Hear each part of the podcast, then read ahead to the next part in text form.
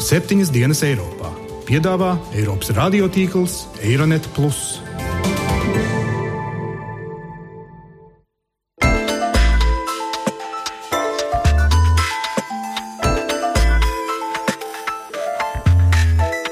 Šonadēļ septiņas dienas Eiropā dzirdēsim. Это вторжение. Это делают военные. Russian combat soldiers are operating inside Ukraine's sovereign territory.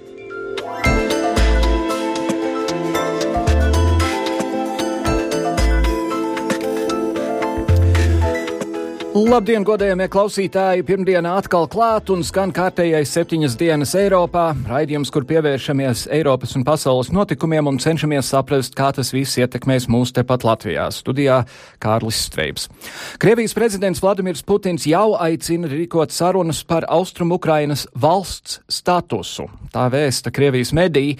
Kijeva atbildējusi, ka nevarēs vienoties ar tās augto Doņetskas un Luganskas tautu republiku līderiem, kurus tā uzskatot par teroristiem. Toties Maskava uzstājusi, ka separātisti piedalīsies šīs nedēļas Mīnskas sarunās, kur tiksies ar delegāciju no Kijevas.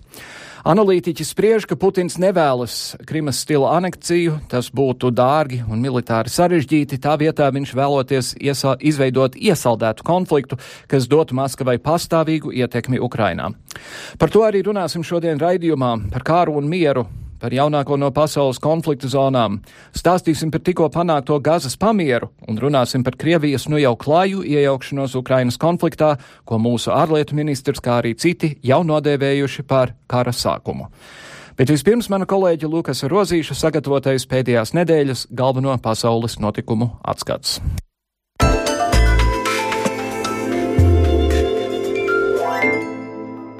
Vien dienas pēc Ukrainas pamieram veltītās sanāksmes Minskā, Krievija parādījusi savu neparedzējamo dabu, strauji eskalējot konfliktu Ukrainas austrumos. Trešdien Krievijas karaspēka regulārās daļas iebruka Ukrainas teritorijā, bet piekdien Krievu tanki jau bija pie Ukrainas Azovas jūras lielākās pilsētas Mariupoles. Rietumvalsts ir vienbalsīgi apstiprinājuši, ka Ukrainā notiekošo var nodēvēt par karu. Pēc pirmajām ziņām par iebrukumiem pirmo reizi kopš militārā konflikta sākšanas Krievijas prezidents Vladimirs Putins Kremļa mājaslapā uzrunāja nemiernieks un slavēja viņus par kaujās gūtajiem panākumiem. Aiz atzinības vārdiem politikas eksperti paziņojumā saskatīja vairākus Kremļa mērķus, kas liecina, ka Putina plāni ir daudz plašāki kā vien krievalodīgo aizstāvēšana. Paziņojums ļauj minēt, ka Kremlis vēlas pātrināt Ukraiņas politiskā kursa maiņu, kas mazinātu centrālās varas lomu un tā vietā nodrošinātu federalizāciju un plašāku tiesību piešķiršanu Ukraiņas austrumu reģioniem. Putins pirmo reizi arī oficiāli minēja Jaunkrievijas vai Novorosijas vārdu, un svētdien izteicās, ka ir pienācis laiks prasīt neatkarīgas valsts statusa piešķiršanu Austrumukrainai. Там проблема заключается еще в том, что ведь страна находится в преддверии парламентских выборов. Problēma ir tāda, ka valsts ir parlamentu vēlēšanu priekšā, un visi vēlēšanu kampaņā iesaistītie vēlas parādīt to, cik vareni viņi ir, ka viņi ir spēcīgi puiši un meitenes. Šādos politiskas cīņas apstākļos ir grūti cerēt, ka atradīsies cilvēki, kas atklāti paudīs savu nostāju, kas vērst uz mierīgu, nevis karēvīgu situāciju atrisinājumu. Ar šādu paziņojumu Putins nāca klajā īsi pēc tam, kad Eiropas Savienība divu dienu samitā Briselē noteica ultimātu Krievijai - nedēļas laikā atkāpties no Ukrainas. Pretējā gadījumā Eiropas Savienība īstenos jaunas sankcijas. Kādi tieši notikumi raisīja līderiem pieņemt šādu lēmumu, netiek atklāts. Eiropas padomas prezidents Hermans Van Rompējs viens sacīja, ka tie ir notikumi uz vietas Ukrainā. Further steps depend on the evolution of the situation on the ground. Turpmākie soļi ir atkarīgi no notikuma attīstības uz vietas. Mēs izvērtēsim situāciju, kas kļūst draudīgāk ikdienas. Precīzi kriteriji nav, bet es varu garantēt, ka visi ir vienisprātis, ka ir jārīkojas ātri. Tāpat samitā beidzās mēnešiem ilgusī stīvēšanās ap pamatiem, kurus līdz šim ieņēma Van Rompējs un Ketrina Eštona. Polijas premjerministrs Donalds Tusks tika izraudzīts Eiropas padomas prezidenta amatam, bet Itālijas ārlietu ministra Federika Mogherini Eiropas Savienības augstās ārlietu pārstāves krēslam. Aizvadītajā nedēļā Ukraiņas valdība iesniedz izskatīšanai parlamentam likumu par Ukraiņas blokiem nepievienojušās valsts statusa atcelšanu. Pēc likuma pieņemšanas Ukraina atjaunos kursu uz dalību NATO, un, kā sacīja premjerministrs Arsenijs Jaceņuks, Valstī būs liekta dalība muitas, Eirāzijas vai citās tā dēvētajās savienībās, kas būtībā nav nekas cits kā Krievijas federācijas vārdā nosauktā Padomju Savienība. Saskaņā ar Ukraiņas medijos sniegto informāciju, parlaments par to lems rīt. Lūk, tikmēr retorika no Krievijas avotiem pēdējās dienās ir kļuvusi manāmi kareivīgāka. Pirms dažām dienām, piemēram, ekstrēms Krievijas nacionālists Aleksandrs Dugins nāca klajā ar šādu paziņojumu, citēju: Ukraina ir jāiztīra no idiotiem! Un tālāk aicinu uzsākt, citēju vēlreiz, genocīdu pret bastardu rasi. Vladimirs Žirinovskis, Krievijas parlamenta deputāts un galma āksts, kas drīkst teikt to, ko varas politiķi varbūt nevar atļauties, nesen intervijā izteicies, ka Krievijai vajadzētu izmantot kodolieročus, lai bombardētu Poliju un Baltijas tā dēvētās pundurvalstis, tā parādot rietumiem, kurš patiešām valda Eiropā. Krievu analītiķis un disidents Andrejs Pjotnkovskis, modernās Krievijas institūta pētnieks, nesen publikācijā apgalvoja, ka Putins tiešām apsverot iespēju izmantot kodolieročus vai pret vienu no Baltijas valstu galvaspilsētām vai kādu Polijas pilsētu, lai pierādītu, cik NATO ir bezspēcīgs. Un viņš arī zinot, ka rietumi neuzdrīkstēsies dot pretriecienu, jo baidīsies izraisīt vēl lielāku katastrofu. Kā pierādījums esot 2009. un 2013. gadā notikušās militārās apmācības, kad Krievijas armija pārbaudīja scenāriju, kur tiešām ietilpa kodola ieroču uzbrukums Varšavai. Pats Putins starptautiskā jaunatnes formā teica, lūk, ko Krievija ir viena no spēcīgākajām kodola valstīm pasaulē un mums ir jābūt gataviem atbildēt uz jebkuru agresiju pret Krieviju.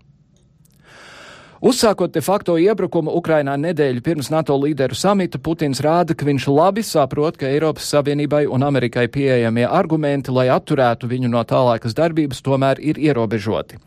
Tas ir izkalkulēts gājiens no Krievijas prezidenta puses, citējot kādu ASV amatpersonu.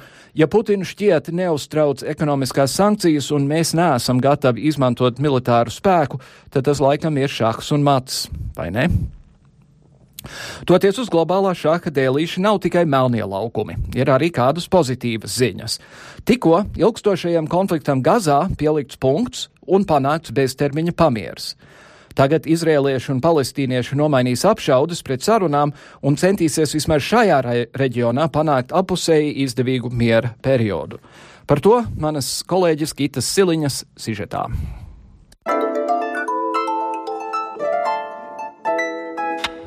26. augusta vakarā Izrēla un palestīniešu kaujinieki vienojušies par ilgtermiņa pamieru. Tas radīs cerības, ka varbūt tomēr tiks izbeigts septiņu nedēļu ilgais konflikts Gazas joslā, kurā dzīvību zaudējuši vairāk nekā 2200 cilvēki. Palestīnas prezidents Mahmuds Abbas paziņoja par vienošanos. Es vēlētos paziņot par vienošanos Palestīnas valdībā, kas tapusi pateicoties mūsu brālīgās Ēģiptes uzaicinājumam par visaptverošu un pastāvīgu guns pārtraukšanu, sākot ar šī vakara pulksten 19. pēc vietējā Kairas un Palestīnas laika. Vienā mirklī nav iespējams saprast un arī skaidrot, kāpēc viņi karo, vai ilgstošs miers ir reāls un ko visas puses sagaida no miera. Iesaistīti ir nemiernieki, kaujinieki, pretinieki, samiernieki un civiliedzīvotāji. Diemžēl tieši palestīniešu civiliedzīvotāji bija pārliecinoši lielākā daļa no bojā gājušiem, kuri nogalināti Izraēlas gaisa spēku uzlidojumos. Uzlidojumi tika sākti, lai apturētu no dzīvojumiem rajoniem šautās Hamas kaujinieku raķetes. Lai izbeigtu konfliktu un panāktu pamieru starp Izraēlu un Hamas, Eģipte mētiecīgi pastiprināja savus centienus. Jaunais Eģiptes pamiera plāns paredz vairāku jaunu robežu šķērsošanas punktu atvēršanu uz Gazas joslu. Tā būtu iespējams piegādāt humāno palīdzību un celtniecības materiālus, kas nepieciešami atjaunošanas darbiem.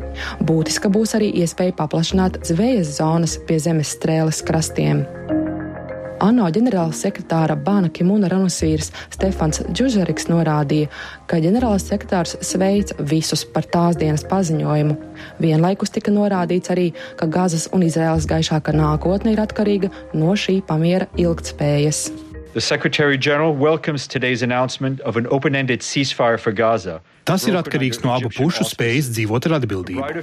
Pēc šīs pēdējās nogalināšanas kārtas un plaši izplatītās palestīniešu māju iznīcināšanas, civiliedzīvotājiem abās pusēs vajag telpu lai atsāktu savu ikdienas dzīvi un ļautu humānai palīdzībai un atjaunošanas centieniem risināt Gazas iedzīvotāju vajadzības un mazināt izmisumu. Ir svarīgi, lai bērni no Gazas un Izraēlas spēj sākt mācību gadu bez raķešu signalizācijas skaņas un gaisa trauksmēm.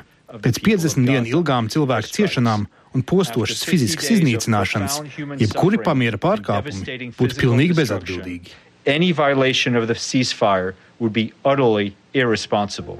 Ģenerāla sekretāra Runasvīrs pauda arī, ka apvienoto nāciju organizācija ir gatava atbalstīt centienus, lai risinātu konfliktu, jo paplašinātajam pamieram būtu jādarbojas kā ievadam politiskajā procesā, kā vienīgajam veidam, kas varētu veicināt panākt ilgstošu mieru. Ģenerāla sekretārs aicināja steidzami abas puses atgriezties pie jēgpilnas sarunas par vienošanās galīgo statusu un risināt visus galvenos jautājumus, lai beigtu 47 gadus ilgo konfliktu. Jo aizvien aizvien vēl ir sarežģītie punkti, kuros abas puses vienoties visticamāk nevarēs.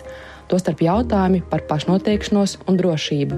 Piemēram, Hamas prasība uzbūvēt Gazai lidostu un ostu.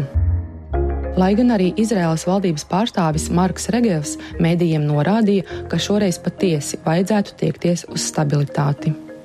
Why is it that today Hamas Izraela ir pieņēmusi Eģiptes pamieru priekšlikumu. Mēs ceram, ka šoreiz pamieris būs stabils, un es domāju, ka tagad, kad situācija sāks skaidroties, daudz cilvēku jautās, kāpēc ir tā, ka šodien Hamas pieņēma no eģiptiešiem tieši tādu pašu iespēju, ko pirms mēneša noraidīja. Galu galā varēja izvairīties no tik lielas asins izliešanas. Vienlaikus jāatgādina, ka šis ir viens no vairāk kārtējiem pamieriem, un iepriekš sāsinoties Izraels un palestīniešu grupējuma Hamas konfliktiem, ebreju valsts uzlidojumos Gazai kopš jūlijas sākuma tika nogalināti vairāk nekā 2000 palestīniešu, pārsvarā mierīgie iedzīvotāji, kā jau norādīts. Izraels pusē dzīvību zaudējuši 69 cilvēki, gandrīz visi no tiem karavīri. Tēma, kas nesaprasta un neizskaidrota, vēl ilgi būs diskusiju objekts daudzās vietās uz planētas, jo nav prognozējams, vai šīs pamiers par ilgtermiņa pamieru pasludinātais nesīs mierīgāku dzīvi abu pušu cilvēkiem. Tiek turpināts meklēt atbildes. Tā piemēram, neatkarīgā mēdīja Demokrasija nav žurnāliste Emija Gudmana vēl augusta sākumā uzrunāja vienu no mūsu laiku ievērojamākajiem filozofiem Nomu Čomski. Dziļā intervijā viņi runāja par minēto tēmu un par to, ka process līdz šim ir bijis bezgalīgs un bez risinājuma. Tas visu laiku virzījies pa apli. Neviena no pusēm nebija gatava apstāties un visam pa vidu - ideoloģija, ticība, vērtības, pašcieņa un daudz kas cits, arī iespējams, piemēram, rietumniekiem nesaprotams. Komentējot iepriekšējā pamiera pārtraukšanu un situāciju ap to, Noms Čomskis bija skarbs. It's hideous atrocity, uh, sadistic, vicious, murderous. Tās ir pretīgas zvērības, sadistiski apburti, nāvējoši, pilnīgi bez ticama iegansta. Tā ir vēl viena no periodiskās Izraēlas mācības, ko viņi smalki sauc par zāliena pļaušanu. Tas nozīmē šaušanu uz zivīm dīķī, lai pārliecinātos, ka dzīvnieki paliek klusu būrī, ko esat uzbūvējis viņiem. Pēc tam tiek radīts apstākļus, ko sauc par pamieru kas nozīmē, ka Hamas ievēro pamieru, kā Izraela atzīst. Tikmēr Izraela turpina pārkāpt to. Tad tas tiek pārtraukts situācijas eskalācijas dēļ. Izraela sāsina situāciju un Hamas reaģē. escalation, Hamas reaction, then you have a period of mowing the lawn. Savukārt nesenā intervijā CNN kanālā runāja Hamas līderis Dēls Mosabs Hasans Jusefs, kurš pats ir atkāpies no savām saknēm, pievēršoties kristietībai, un jau agrāk mēdījiem paužot viedokli, uzteicis Izraelu par tās cīņu pret Hamas, norādot, ka tas ir vienīgais veids, kā novērst turpmākos karus un glābt civiliedzīvotājus Izrēlā un Gazas sektorā. Šoreiz intervijā Jusefs izteica domas par Hamas ietekmi uz pašreizējo Izraels valsti, par attiecībām starp arābiem un ebreju tautu. Hamas does not care about the lives of Palestinians, does not care about the lives of Israelis or Americans. Hamas nerūp palestīniešu dzīve. Tās nav arī rūpes par izrēliešu dzīvi vai amerikāņiem. Tiem pat nerūp arī sava dzīve. Viņi ir gatavi mirt savas ideoloģijas dēļ. Hamas nemeklē līdzās pastāvēšanu un kompromisu. Hamas meklē iekarošanu un pārņemšanu. Un, starp citu, Izraels valsts iznīcināšana nav Hamas galamērķis. Tās galamērķis islāma kalifāta izveide, kas nozīmē islāma valsti uz ikvienas citas civilizācijas gruvešiem. An Islamic state on the rubble of every other civilization. Mm-hmm. Lūk, Gita Siliņa sižets. Tātad eh, tuvajos austrumos vismaz uz kādu laiku Izrēla un palestīnieši ir gatavi apsēsties pie sarunu galda un paskatīties, ko viņi var sarunāt. Eh, tikpat labi neizskatās, lai arī eh, šajā gadījumā ir domāts par kaut kādām sarunām, kas notiek pat labāk Krievijā un Ukrainā. Studijā, lai spriestu par to, vai karš ir neizbēgams un kā mums šobrīd labāk rīkoties, esam aicinājuši Latvijas aizsardzības ministrijas politikas direktoru un valsts sekretāru vietnieku Jāni Garisonu. Labdien! Labdien un Latvijas Universitātes politologu profesoru Kārli Daugštu. Labdien! Labdien jums abiem! Garison kungs, sāksim ar jums, ko aizsardzības ministrija zina un ko jūs varat mums pastāstīt par šo domu, ka Krievija pat labam gatavojas skatīties tālāk un varbūt pat glūnēt mūsu virzienā. Ne, nu, es domāju, vispirms mums, acīm redzot, Krievijai vajadzētu jāskatās, kāda ir Krievijas stratēģija un kāda, ko darīs Krievija uh, Ukrainā. Jo, protams, ar to, uh, kas notiek pašlaik, ir skaidrs, ka Krievija nesasniedz savus strateģiskos mērķus.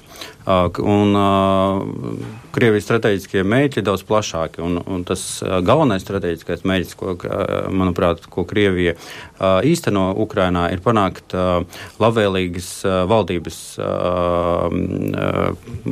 nodibināšanu Kīvā.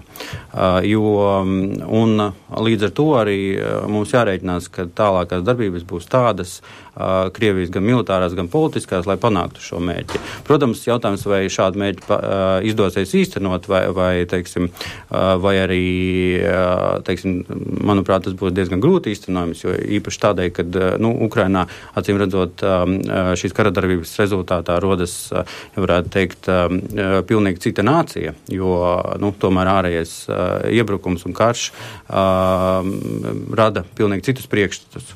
Tādēļ iespējams, ka Krievija nāksies samierināties ar kādiem teiksim, mazākiem mērķiem, ko viņi var sasniegt Ukrainā. Bet, protams, domāju, tas ir skaidrs, ka kad, Krievija neapstē, neapstāsies ar to, kas pašlaik sasniegts un ies tālāk. Mm -hmm.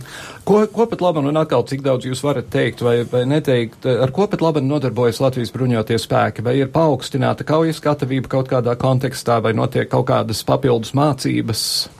Nē, nu, varētu teikt tā, ka ir šo, šo jautājumu varētu sadalīt dažādā, teiksim, vairākās daļās. Pirmkārt, nu, parasti visus interesē, vai ir paaugstināta kaujas gatavība, gatavība bruņoties spēkos. Tad var teikt, ka paaugstināta kaujas gatavība pašlaik nav, bet, protams, kad viss atbildīgais personāls štābos un arī viss, kas attiec uz izlūku informācijas iegūšanu un, un apstrādāšanu, tas notiek papil, teiksim, paaugstinātā režīmā jau kopš februāra. Uh, un, protams, uh, kad ir paaugstinātas aktivitātes ar sabiedrotajiem un tā izskaitā mācības, jo tuvākā laikā notiks, kā jau tas izskanējis publiskajā telpā, mācības Steadfast Javelin, kurā piedalīsies Um, vismaz tūkstots uh, sabiedroto karavīru, un uh, nu, pat uh, arī nedēļas uh, beigās uh, Norvēģija paziņoja, ka piedalīsies ar 190 uh, karavīriem šajās mācībās. Tādēļ, protams, uh, šīs sabiedrota aktivitātes ir diezgan augstas. Mhm. Un, un pēdīgi, uh, cik lielā mērā uh, pat labāk aizsardzības ministrijas spriež par to, ja nu gadījumā notiktu pats trakākais.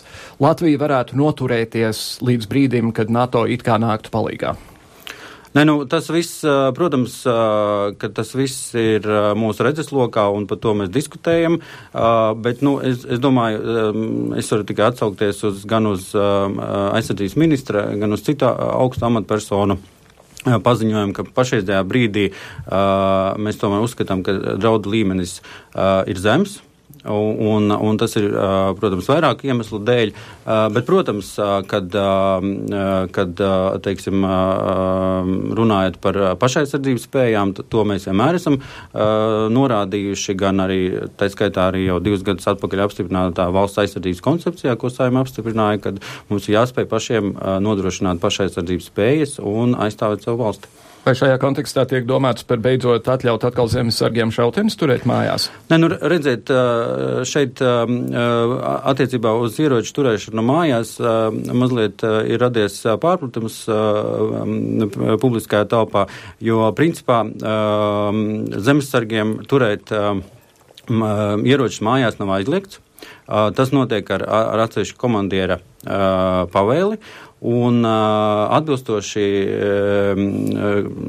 esošajai operacionālajai un draudu situācijai, attiecīgi noteiktajā, attiecīgi esošajam regulējumam, komandieris, ja šī situācija pasliktinās, var parakstīt pavēli par ieroču izdošanu zemesargiem mājās. Papildus var teikt, ka mēs strādājam arī pie vēl papildus noteik, teiksim, kārtības, lai, lai šos te um, padarītu daudz automātiskāku un, teiksim, ieroču decentralizācija notiktu daudz ātrāk. Profesori, jūs kā civilists piekrītat, ka draudu līmenis ir zems? Es domāju, ka militārs risinājums šī situācijā Austrum Eiropā un arī sakarā ar Ukrainu nav iespējams vispār. Militārā retorika, kura pat laban ir tik, tā sakot, modē, manuprāt, nav tas mērķis un nav tā metode, ar kuru var atrisināt visas šīs problēmas, kuras radušās ap Ukrainu. Manuprāt, tur ir daudz dziļākas uh, saknes. Pirmkārt, mēs pat labam neviens arī lai mani piedod cienījamais kolēģis par uh, to, ko es teikšu, taču nevienam nav skaidrs galu galā, ko grib Puķins ko grib Krievija. Un tie tās visas ir pat labam spekulācijas. Es, piemēram, varu nosaukt šodien ir 75 gadi, kopš sākās uh, otrais pasaules karš. Tad viena epizode no Krievu-Vācu kara laika, kad divas stundas pirms iebrukuma vācu iebrukuma. Eh, pārpildēja Bugas upi viens no eh, jefreitoriem vācu armijas un paziņoja, ka tūlīt sāksies uzbrukums. Viņam neviens neticēja. Tāpat Ukrainas uh, pusē pārgāja viens no Krievijas karējiem, kurš paziņoja, ka viņiem ir speciāli dots pat labam uzdevums virzīties uz Mariupoli un nošķelt līdz Odesai, līdz Piedņestrai nošķelt visu šo reģionu no pārējās Ukrainas, tādējādi izveidojot gan koridoru, lai izdzīvotu Krima, gan arī tālāk, lai, eh, tā sakot, noblokētu Ukrainas pieju uh, jūras robežām. Cik tam var ticēt, cik tam var neticēt, cik tās ir spekulācija, un arī neviens netic. Jo vēl, vēl jau vairāk, tāpēc, ka pēc tam tie zaudēti apgalvoja, ka viņi esot apmaldījušies. Nu, tie ne tikai apmaldījuši, redziet, mēs mūsu uztverē nedaudz esam pārāk eiropeiski. Mēs visu laiku domājam, un tā arī darbojas arī, diemžēl, arī mūsu diplomātija un mūsu arī partneri arī tajās sarunās, kas notiek ar Krieviju. Mēs uzskatām, ka tie ir tā kā muskatieri paukošanā, kur ir likumi, kur ir likumība, kur dūriens atn un cepuru tā sakot paklanīšanās un tiek ievērota kaut kāda tāda ele, eleganta uh, kauja. Bet tad, kad šī paukošanā ierodas viens ar bomi un paziņo, ka es atvaļinājumā atlaižu savus tankus, kopā ar karavīru vai karavīrus kopā ar tankiem, ar iekārtām un tā tālāk, tas ir bomis, pret kuru nav, nav pat laban atbildes. Un tāpēc militārajā tādā retorikā Es domāju, ka risinājums tur nav. Tur ir jāmeklē kaut kādi citi risinājumi, kuri varētu būt, varētu tiek meklēti. Taču, manuprāt, pat laban rietumi un vispār arī mē, mūsu pasaule, rietumu pasaule, pie kuram piederam arī mēs, mēs neesam atraduši īstu atbildes līdzekli. Visas tās sankcijas, par kurām mēs runājam, viņas nav devušas rezultātus.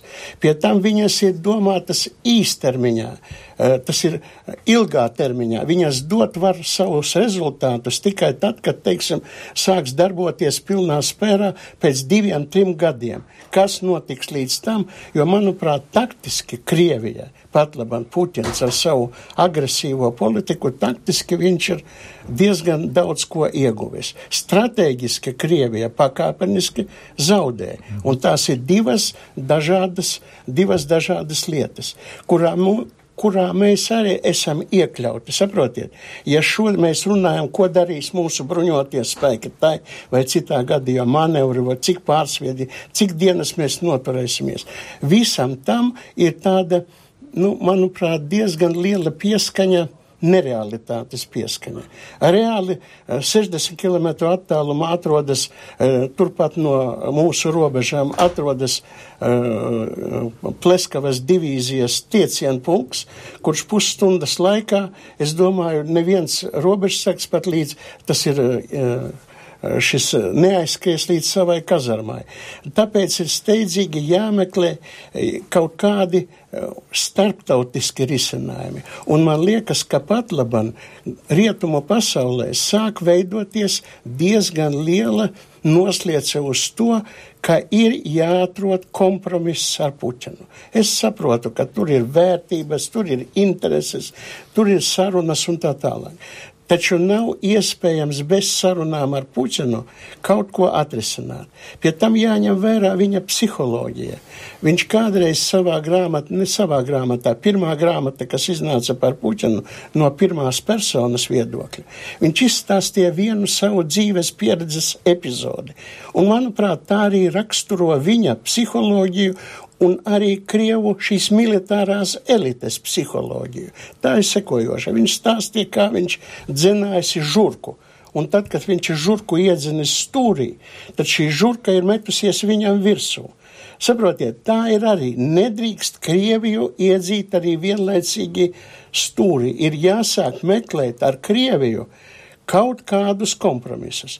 Man ir nu, vairākas, es negribu vairāk aizskavēt ar savu, tā sakot, šo analīzi tālāko par tieši par Krimu un pat tieši par Ukrainu. Taču, manuprāt, ka meklējumi sākas kompromisa meklējumi ar militāri risinājumu. Nav. Mm. Ukrainas armija, lai ko mēs arī runātu, viņa ir dezorganizēta, demoralizēta un faktiski viņai cietusi sakāvi. Tagad nav pat iespējama varianta. Nu, iedomāsimies, vai var atkarot no jauna Krimu, Donbasu, Doņetsku, Luhansku un tā tālāk.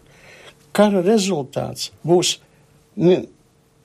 neprognozējams. Tā skaitā Donbass iznīcināšana. Un tā ir iznīcināšana, un arī, arī rietumi pat labam sāk šaubīties, ko mēs darīsim, ja Ukrainas armija uzvarēs. Jūs saprotiet? Ko darīt? Tur ir jāieliek, tagad jāiegulda miljārdi un miljārdi, lai to vismaz uzturētu pie dzīvības. Mm. Uh, jau Garisona kungs pieminēja, oktobrī uh, Ukrainā būs vēlēšanas. Ņemot vērā to, ka šoreiz tur noteikti nepiedalīsies Krīma un diezgan noteikti apgrūtināta būtu balsošana minētajā Donbasā, ko, ko jūs no šīm vēlēšanām gaidāt? Vien, nu, jūs esat vairāk militārā pusē, es, es to, to es jautāšu. Par, par, par vēlēšanām. Pat laban vēlēšanu gan rezultāti, gan arī priekšvēlēšanu cīņas, kuras pat labam notiek, viņas rāda, ka Ukrainas elitei nav arī vienotas pozīcijas. Viņas šī uh, elite, Krievi, tas ir Ukrainas elite, ir sašķelta. Tur ir iekšā veidojušies pašā šajā pat valdošajā pat laban uh, pulā, tā sakot, ja, ir izveidojusies ļoti nekonkrēta situācija. Porošenko faktiski ir atlaidis bijušo radu. Jā. Paziņojis, ka tā, tur ir tik daudz noziedznieku un tā tālāk, bet tai pašā laikā vienlaicīgi šai radai ir devis uzdevumus pieņemt daudzus likumus. Tā skaitā rīt balsos par to, ka Ukraina atceļ likumu par uh, nepiedalīšanos blokos. Jā, nepie, tas ir jā, un par, pēc tam ir jāratificē visi šie līgumi ar Eiropas Savienību. un kas tos ratificēs. Līdz ar to rodas tāda kolīzija, ka faktiski pēc tam, kad visi šie lēmumi tiks pieņemti pēc Porošenko ziņas, ja, viņi var tikt apstrīdēti gan konstitucionāla tiesā, gan arī politisko partiju darbībā un tā tālāk. Un tur ir arī, cik tālu sniedzas pat labam bijušo oligarhu ietekme, kādā veidā kā veidojas visa šī uh, struktūra, bijusī struktūra, kādas ir attiecības ar Baķivšķinu, tas ir ar Juliju Timošenko, no kurienes ir it kā aizgājuši tagad gan premjerministrs Ieciņuks, gan arī visi pārējie, kuri bija bet viņa sāk piedalīties ar ļoti enerģiskiem eh, paziņojumiem, ar enerģiskiem paziņojumiem, kuri eh, par, teiksim, pievienošanos uzreiz NATO, jā, veikt referendumu līdz ar balsošanu un tā tālāk. Tā kā šeit ir ļoti sarežģīta iekšpolitiska uh, situācija Ukrainā arī varas uh, šajā virsotnē. Mm -hmm. Jā, nu es uh, tomēr gribētu nepiekrist Daugsta kungam, uh, jo, uh, manuprāt, ne tieši par, te, par vēlēšanām, bet vairāk par to, ko tad rietumi un, un attiecībā uz Krieviju, ko dara un ko darīs. Jo, manuprāt, nu, tas, ka Krievija ir apzināti virzījusies uz pašizolāciju, tas jau bija saskatāms jau vairākus gadus, sākot ar to, kad Krievija vienpusēji anulēja līgumu par parastajiem ieročiem Eiropā un izstājās no šī bruņojuma kontrolas režīma. Un faktiski līdz ar, ar Ukrainas karu visi, visa Eiropas starptautiskā tiesiskā bāze ir, ir, ir, ir likvidēta, jo viss ir pārkāpts. Un tas, tā problēma ir tāda, ka vai Krievija un Krievijas prezidents ir gatavs apstāties, un kas ir tas, kas, pie kā viņš apstāsies. Ko var darīt rietumi? Nu, jūs man varbūt pārpratāt deputāti, bet eh, nevienā brīdī neviens, eh, arī jūs varat lasīt to visos paziņojumos, neviens nav nekad teicis, ka ne NATO, ne Eiropas Savienība būtu gatava iesaistīties militāri šajā konfliktā, jo jūs paši labi zinat, ko tas nozīmē. Eh, par ko iet runa? Par, par, par Latvijas un, un, un NATO valstu aizsardzības stiprināšanu. Bet, kā es teicu, problēma attiecībā uz Ukrainu, kad, manuprāt, ka Putins, Putinam patiesībā ir vienalga, un viņš ir gatavs gatavs uz, uz, uz uh, savas valsts izolāciju, un viņš sasniegs savus mērķus. Un, un uh, tas, man liekas, tā ir liela problēma, jo mums nav risinājums, jo viņš ir gatavs sasniegt savus mērķus, neskatoties ne uz ko. Lai militārijos aprēķinos kaut kādā līmenī tiek iekļaut, iekļauts jautājums par to, vai Putins gadījumā nav neadekvāts, maigi sakot. Uh, nu, dažādas versijas, protams, tiek, uh, tie, tie, tie uh, izskan, bet, uh, manuprāt, svarīgi, kad uh, arī teiksim, uh, sabiedrība saprot, ka uh, nu, tās um, tā, uh, teiksim, parasti nenotiek, kad uh, nu, kāds izdomā un nu, tūlīt mēs pār, uh, teiksim, uzsāksim karu. Uh, ir vairākas pazīmes un teiksim, tam tiek gatavots pat, ja tam izmanto nelielas, uh, vien, uh, teiksim, nelielu vienību skaitu. Tāpat uh, zināmas kustības kustības var, var piefiksēt un ir zināmas pazīmes, pēc kā to var, var īstenot. Tādēļ faktiski nu, tāda, tādas negaidītas un, teiksim, pāris helikopteru pacelšanās no Pleskavas divīzijas tas varētu būt, bet nu, tik daudz vienībām mēs arī tiktu galā, bet, bet, bet gatavošanās jebkuram karam, tāpat kā notikumi visu Ukrainā parādīja, ka to var piefiksēt un vienību kustība ir, nu, ir pietiekami liela, lai to fiksētu fiksēta. Šajā kontekstā, ko Latvija gaida un ko Latvija prasīs no Amerikas prezidenta vizītes tūliņ, kas sāksies Igaunijā un it īpaši no NATO samita, kas brīvdienās būs Velsā? Ne, nu, tas jau ir parādījies publiskajā telpā un, un nav nekāds noslēpums. Protams, kad, kad ir vairākas lietas, kuras pirmkārt aliansē jāpievērš, kurām aliansē jāpievērš uzmanība, un, un primārā lieta, protams, ir un svarīgākā, tā ir klātbūtne, sabiedroto klātbūtne, ja varētu teikt, varētu teikt austrumu pierobežā, tā skaitā Baltijas valstīs, par ko tad arī samits lems. Otra būtiskākā lieta ir par NATO ātrās rēģēšanas spēku pārveidošanu un daudz, teiksim, aktīvāku un daudz ātrāk rēģēšanas un ātrāk izvēršamu vienību nodibināšana. Tāds lēmums iespējams arī tiks pieņemti. Un, attiecīgi, tad arī uh, daudz citas lietas, kas, uh, teiksim, palīdzētu aliansei rēģēt un novērst. Pirmkārt, uh, kas ir būtiski, par ko mēs daudzreiz aizmirstam, ka uh, mūsu mērķis nav, teiksim, sākt karu. Mūsu, nu, uh, mūsu mērķis ir uh, atturēt potenciālus agresorus no šādām rīcībām. Tas laikam bija Guardians, kas brīvdienās ziņoja, ka jau esot nolēmts likt pa vienai NATO bāzei Igaunijā, Lietuvā, Latvijā, Rumānijā un Polijā. Ko jūs par to varat teikt?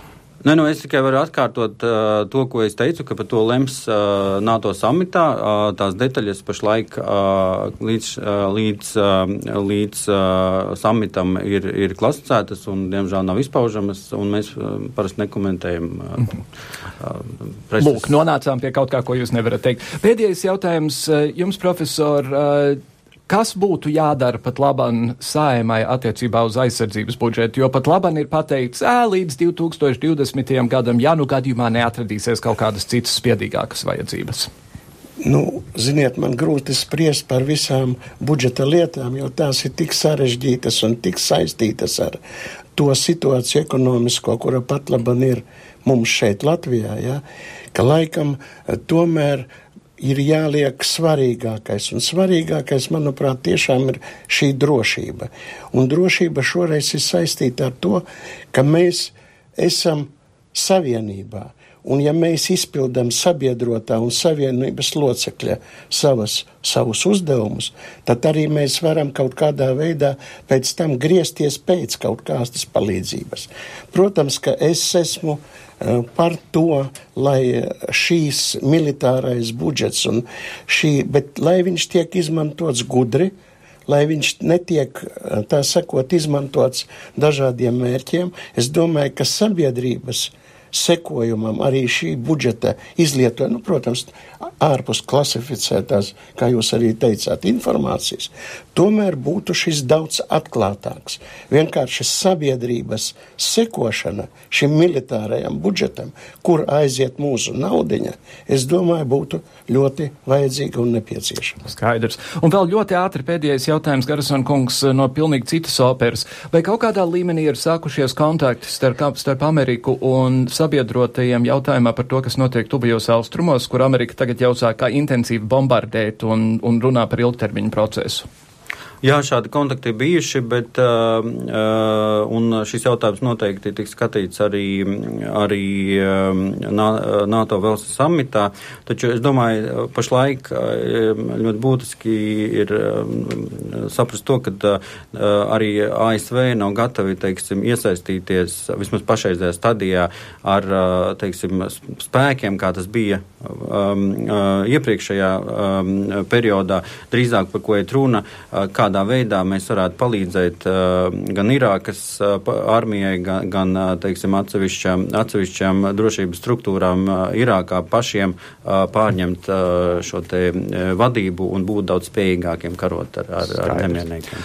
Aizsardzības ministrijas valsts sekretāra vietnieks Jānis Garisons un politologs Kārlis Staukšs. Paldies jums abiem par sarunu. Paldies! Turpināsim raidījumu pēc maza brīža.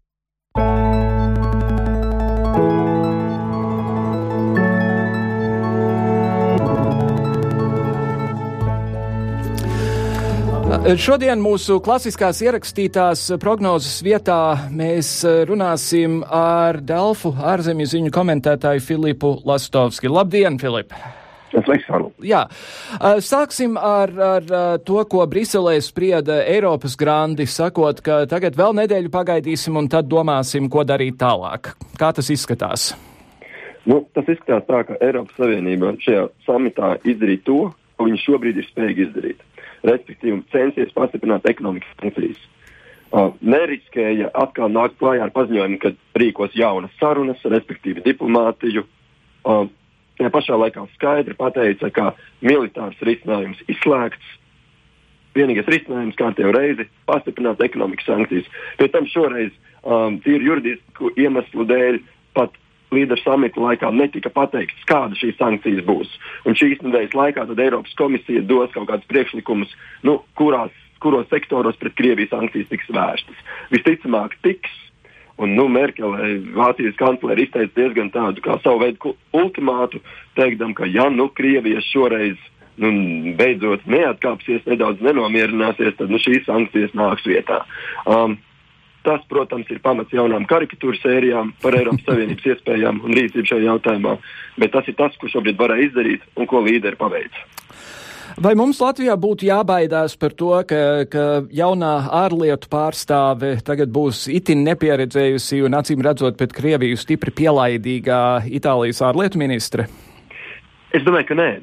Eh, ja godīgi, sākotnēji man arī šā, šādas baumas māca, bet ja mēs paskatāmies, kādā komandā viņas strādās ar jauno Eiropas Savienības padomus prezidentu, polijas premjeru Donaldu Tusku un ar Junkeru komisijas priekšsēdētāju. Šie abi kungi ir dominējošāki politiski līderi, viņi abi ir pārliecināti federālisti un cilvēki, kuri atbalsta Eiropas Savienības tieši integrāciju.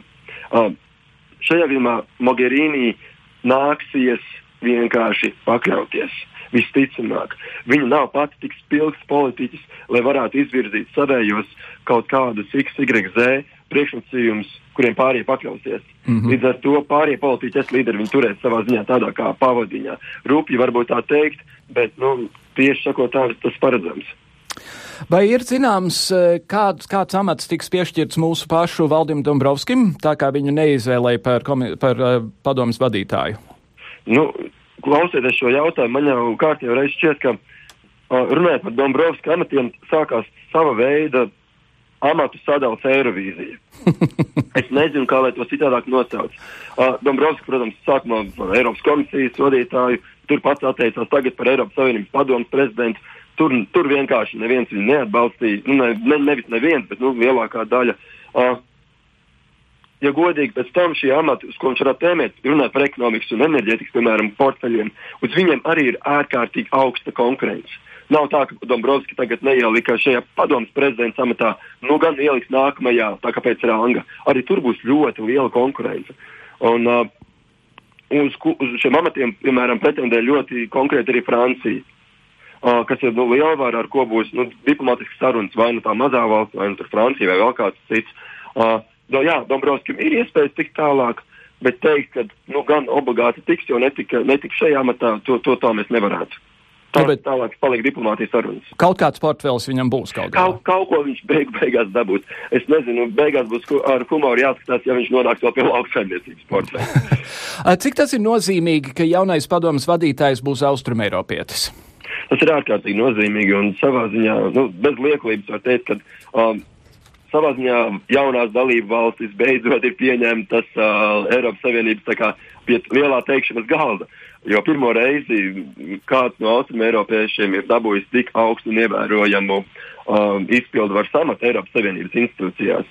Un um, ņemot vērā, ka Polija tas ir zināms signāls, ka jūs esat no uzņemti ar mums, ne jau tikai Polija. Pol, tas, ka Polijas dabūja šo amatu, nozīmē akceptu arī nu, Baltijai, nu, jaunajām un Slovākijai, pārējām valstīm, kad uh, jūsu līderi nu, tiek vērtēti, jūsu valsts tiek vērtēts tāpat kā nu, uh, vecās dalībvalstis. Jūs arī varat kandidēt. Mm -hmm. Un uh, būtiski ir tas, ka Donalds Tusks uh, ļoti labi izprot un pārzina uh, Krievijas uzvedību. Un šis cilvēks ir kāds šis pretstats Mogherini, kas iespējams brīžiem ir bijusi tāda kā pielaidīgāka attiecībās ar Krieviju, bet uh, Tusks zina, kas ir Krievija kā viņi rīkojās, kurā brīdī šie e, Putins uzvedās kā uh, nu, um, huligāns, tā teikt, un viņš zinās, kā rīkoties daudz labāk nekā kāds iespējams rietumu politiķis. Mm -hmm. Un pēdīgi, ko gaidīt, e, ko mēs reāli varam sagaidīt no Obamas vizītes Igaunijā un pēc tam no samita, NATO samita Velsā? Nu jā, Obamas vizīte savā ziņā ir tāds kā priekšnieks uh, uh, NATO samitam. Nu, NATO samits ir nu, es negribu varbūt riskēt samalot, bet pēdējās desmitgadēs viens no nozīmīgākajiem samitiem, kas ir pieredzēts aliansē. Ir ļoti daudz nu, ārkārtīgi kritisku jautājumu, nu, sākot ar Ukrainu, pats Sīrija, Irāka, vēl aizvien Afganistāna, turpinās pat vēl Ēģipte, Lībija un ļoti daudz neatrisināts jautājumu. Un tas, ko var gaidīt, iespējams, ir, ka NATO pretnostatot Eiropas Savienībai var parādīt, ka spēj pieņemt kādus praktiskus, reālus jautājumus, lai stiprinātu tātad uh, Eiropas drošību. Runa ir par šo, piemēram, ātrās reaģēšanas vienības izveidi. Un, uh, kas visticamāk tiks lēmums par šādas izveidas, vienības izveidi tiks pieņemts samita laikā, kā arī par iespējām šīm bāzēm, kas varētu tikt nu, uzlabotas Baltijas valstī, Rumānijā, Polijā. Nu, obligāti nav runa par jaunu bāzu celtniecību. Uh, jo nu, mūsu Bal Latvijas piemēram, infrastruktūra, kas ir, mēs jau esam NATO bāze, mēs esam Jā. NATO dalībvalsts. Un runa varētu būt par jaunu cilvēku pap, nu, militāristu no ASV vai kādām rietumu valstīm uh, iesaistīšanos regulārās patruļās uh, Baltijā, Polijā, Rumānijā, varbūt vēl kādā valstī. Un uh, finansējumu palielināšana, piemēram, infrastruktūras uzlabošanai. Varētu būt, nezinu, varbūt palielināt vēl klāt arī nu, gaisa, gan jūras spēkus. Uh mhm. -huh. Tie būtu praktiski lēmumi, kas parādītu, ka mēs cenšamies stiprināt uh, šo robežu ar Krieviju. Un, nu, tas tādā ziņā ir signāls Krievijai. Jūs esat aizgājuši ļoti tālu, ļoti tālu, bet uh, draugi tālāk jūs nekur nevarat tikt. Vai, vai tavuprāt, NATO cilvēki tagad ir beidzot sākuši saprast, ka 97. gada līgums ar Krieviju par NATO bāzu neizvietošanu bijušajā sociālblokā nav nekā vairs vērts, jo Krievija pati tam ir uzspļāvusi? Es domāju, ka NATO to saprot. Mūsu pieņemtā politikas praksa ir pašiem neuzspļaut līgumiem. Un tad ir jāmeklē, kā, nu, kā tikt ārā no šīs situācijas. Jo mēs, protams, redzam, ka Krievija ignorē saistošs saistoš starptautisks līgums. Un šis žests varētu būt tas, ka nu, parādīs, ka mēs saprotam, ka tas līgums īsti nestrādā un ka mums ir jāmēģina citiem veidiem pastiprināt šo drošības spēju pie austrumu robežas. Skaidrs. Delfa ārzemju ziņu komentētājs Filips Lestovskis. Paldies par sarunu! Paldies! Ar to arī izskan mūsu raidījums, dāmas un kungi. Nobeigumā es gribētu runāt par kaut ko citu, proti, ka šodien ir 1. septembris un šodien bērni vai nu sāk iet skolā vai atsāk savas izglītības gaitas bērni un pusauģi, un jums visiem es gribētu vēlēt vislielāko veiksmi, veiksmīgu skolas gadu vai studiju gadu, jo tā nu ir dzīva patiesība, ka mūsdienu pasaulē bez izglītības neiztikt, tai skaitā izglītība ļauj spriest par tādām lietām kā Krievijas propaganda un saprast, ka tās ir muļķības. Lai jums visiem skolā izdodas. Mēs atgriezīsimies šajā pašā laikā nākamnedēļ. Šovakar, starp citu, sāksies raidījums skats no malas pulksteni 17.30 Latvijas televīzijas pirmajā programmā. Visu labu!